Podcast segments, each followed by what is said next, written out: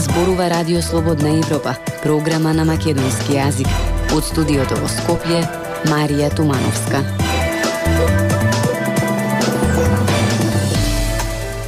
Ке не треба целосна реорганизација и систематизација на здравството, зашто тоа е во многу лоша состојба, вели министерот за здравство Фатмир Меджити во неделното интервју на Радио Слободна Европа.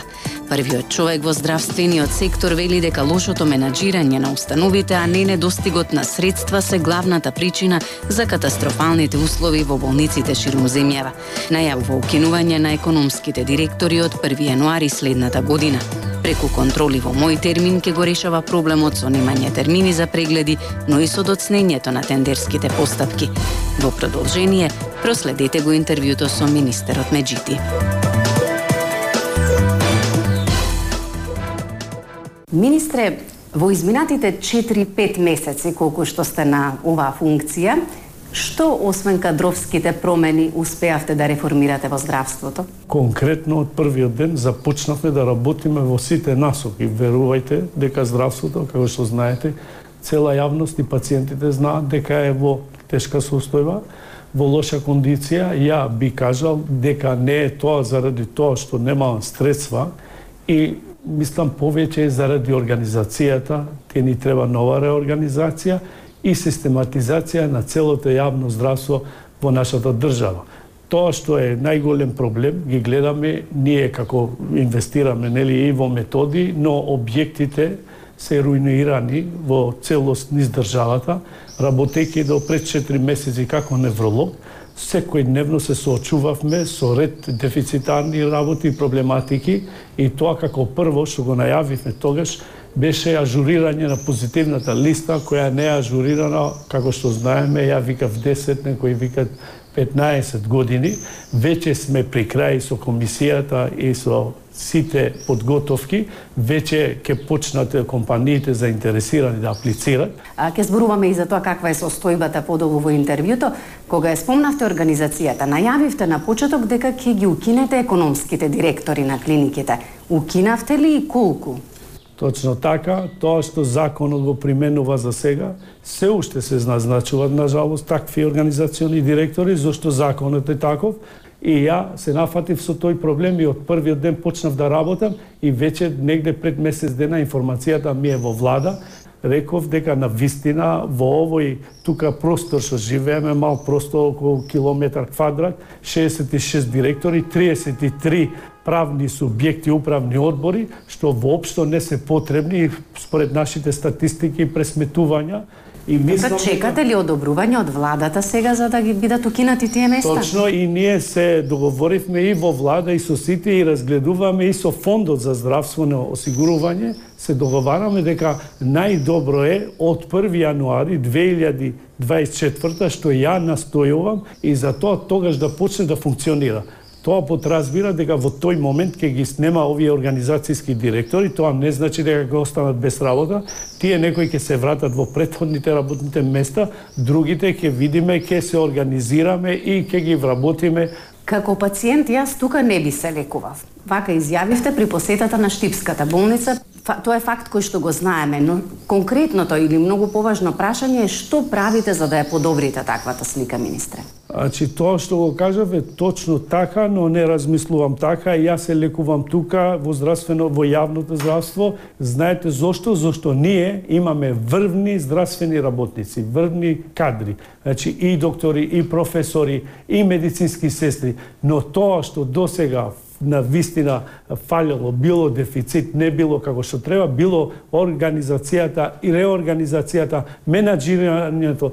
И знам дека сите клиники имат буџет и некој знае да ги, да ги изменаџира тие финансиски средства, некои од менаџерите не знаат, но тоа што ние го правиме сега од првиот ден, значи по сите клиники имаме тајмин како тоа се одвива, ќе има контроли, има инспекции и таму кај ќе има е, недоматинско работење, кај ќе има злоупотреба, кај гледаме дека некој не го бива за таа работа, ќе укажеме, се договараме и тие менаџери ќе барам да се сменат. Но тоа што е целта моја, ќе треба цела реорганизација и систематизација на цело здравство во Македонија. Ние конкретно во клинички центар немаме проблем со кадар, освен во одредени клиники или во радиологија, во другите имаме висок кадар и тоа хиперпродукција на висок кадар и затоа ја превзедов мерка да биде да ги дисперзираме тие кадри низ цела држава. Кога ги спомнавте кадрите,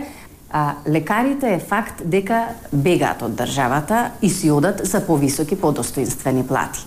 Како ќе го спречите тоа, министр? не е само тоа, дека тука сите настојуваме, сите повикуваме и меѓународниот фактор. Значи, тоа што не не чини во државата е правниот сектор. Значи, кога нема правда, луѓето не е заради тоа, не се чувствуваат и безбедни и бегат. Така тоа ние не можеме тоа во целост да го спречиме, но што тоа можеме ние да го направиме, и ние презоревме конкретни чекори. И ја реков, значи, од шеста година медицина, стоматологија или фармација, ние да знаеме да имаме точна бројка, точна визија и да знаеме тие доктори млади кои утре ќе завршат, ќе дипломират, отма да му биде обезбедено работното место, што тие се најкритичните години тие се тогаш на 24-25 години кога треба да формираат фамилија, кога треба да, да се грижат Но за некој. Но треба да им понудите и соодветна плата. Точно така. Ние нели знаете од првиот ден ја не не не сум среќен за тоа, за покачувањето на плата, но тоа се ветуваше една година и не се решаваше проблемот. Ја постапив одма, значи динамично и побарав и го решивме тој проблем. И имаше покачувања на плати што се минимални, здравствените работници заслужуваат многу повеќе од тоа. Спомнувате на неколку пати дека сте јавноста, знае дека и вие сте лекар и многу добро знаете дека во дел од клиниките, во некои лаборатории недостасуваат реагенси, дека често се случува пациенти сами да си купуваат терапија, инекции, во други не работат апарати, пациенти умираат од инфекција од интрахоспитални бактерии и така натаму често, многу чест проблем е цитостатиците. Има, нема на луѓе пациенти кои што се зборат со една навистина тешка болест. А, проблемот е во тендерите за доцната нели набавка а, на за доцнати набавки воопшто. А, имате ли решение за тој проблем? Тоа што ние правиме еве за ретките болести конкретно ќе ви кажам, значи ние веќе направивме електронски модул што го немаше до сега Комисијата за редки болести веќе има електрон, електронски модул, каде точно ќе се знае кој лек, кој вид, до кога е употребата на лекот, кога истекнува и каде колку количество, количествено го има лекот, дали го има, дали го нема и во тоа што е најбитно, ја како министер и кабинетот, во секој момент имаме увид точно кој лек каде и така ќе се контролира. Ја, да, секојаш не знам зошто не одговара некој, никој за овие работи, дали и ја сега сакам сега да поставам некои постулати и механизми без разлика дали ја ќе бидам министер или некој друг утре, да не е до волјата на министерот, дали сака да распишува тендери и да не распишува, да биде по автоматизам и со законска обврска. И таа е законска обврска, ама проблемот во оваа држава е што никој не одговара за таквите постапки. До каде е постапката? Со набавка на лекот Трикафта за болните од цистична фиброза, односно за оние кои што не го добија се на списокот? Е, ние веќе протоколот помина, добивме позитивен одговор од Фондот за здравствено осигурување за финансирање на лекот Трикафта. Веќе ги направивме сите подготовки, значи имаме протоколи што ги немаше, имаме комисија и ќе имаме најсовремен центар за цистична фиброза. Пациентот... Малку е само контрадикторно да се најави центар за такви луѓе, а, односно да има пари за да се направи тој центар, а да се нема пари за терапијата која што им е потребна, за лекот кој што на некој начин е велите го продолжува животниот век. Повеќе, повеќе дел од таа, значи од тој не е како прво мораме да имаме услови, прво, кај ќе лежат тие пациентите, тоа е основно. Без тоа не е, не можеме лекот да го даваме на улица, ме разбирате. Мислам да бидеме најасно тука на чисто. Ние мораме да имаме таков центар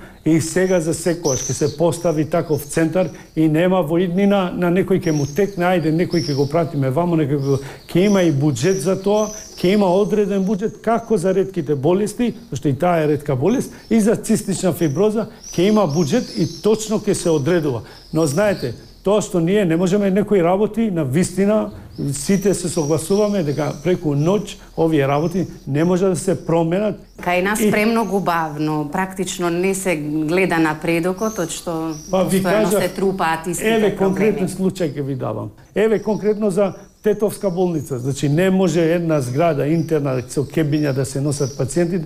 од целу лифта еден да не работи. Тоа не од вчера, и ја ви во влада и се, ама треба во јавни набавки да се бара тендерирање, 3-4, викам, луѓе ги носат со кебиња пациентите. Тоа е недозволиво. Но викат законите тоа го налагат и ја нормално морам да ги почитувам како прв како прв на здравство, министр, министр како министер можам да морам да ги почитувам законите на државата. И сега нели и за тоа изгледа за овие бирократски процедури дека оди. Па затоа сите апелираме, како вие што апелирате и граѓаните сосема во право и пациентите, дека бавно се одвиват и ја апелирам, значи во добивате одговор дека влада, тоа е според дека, закон.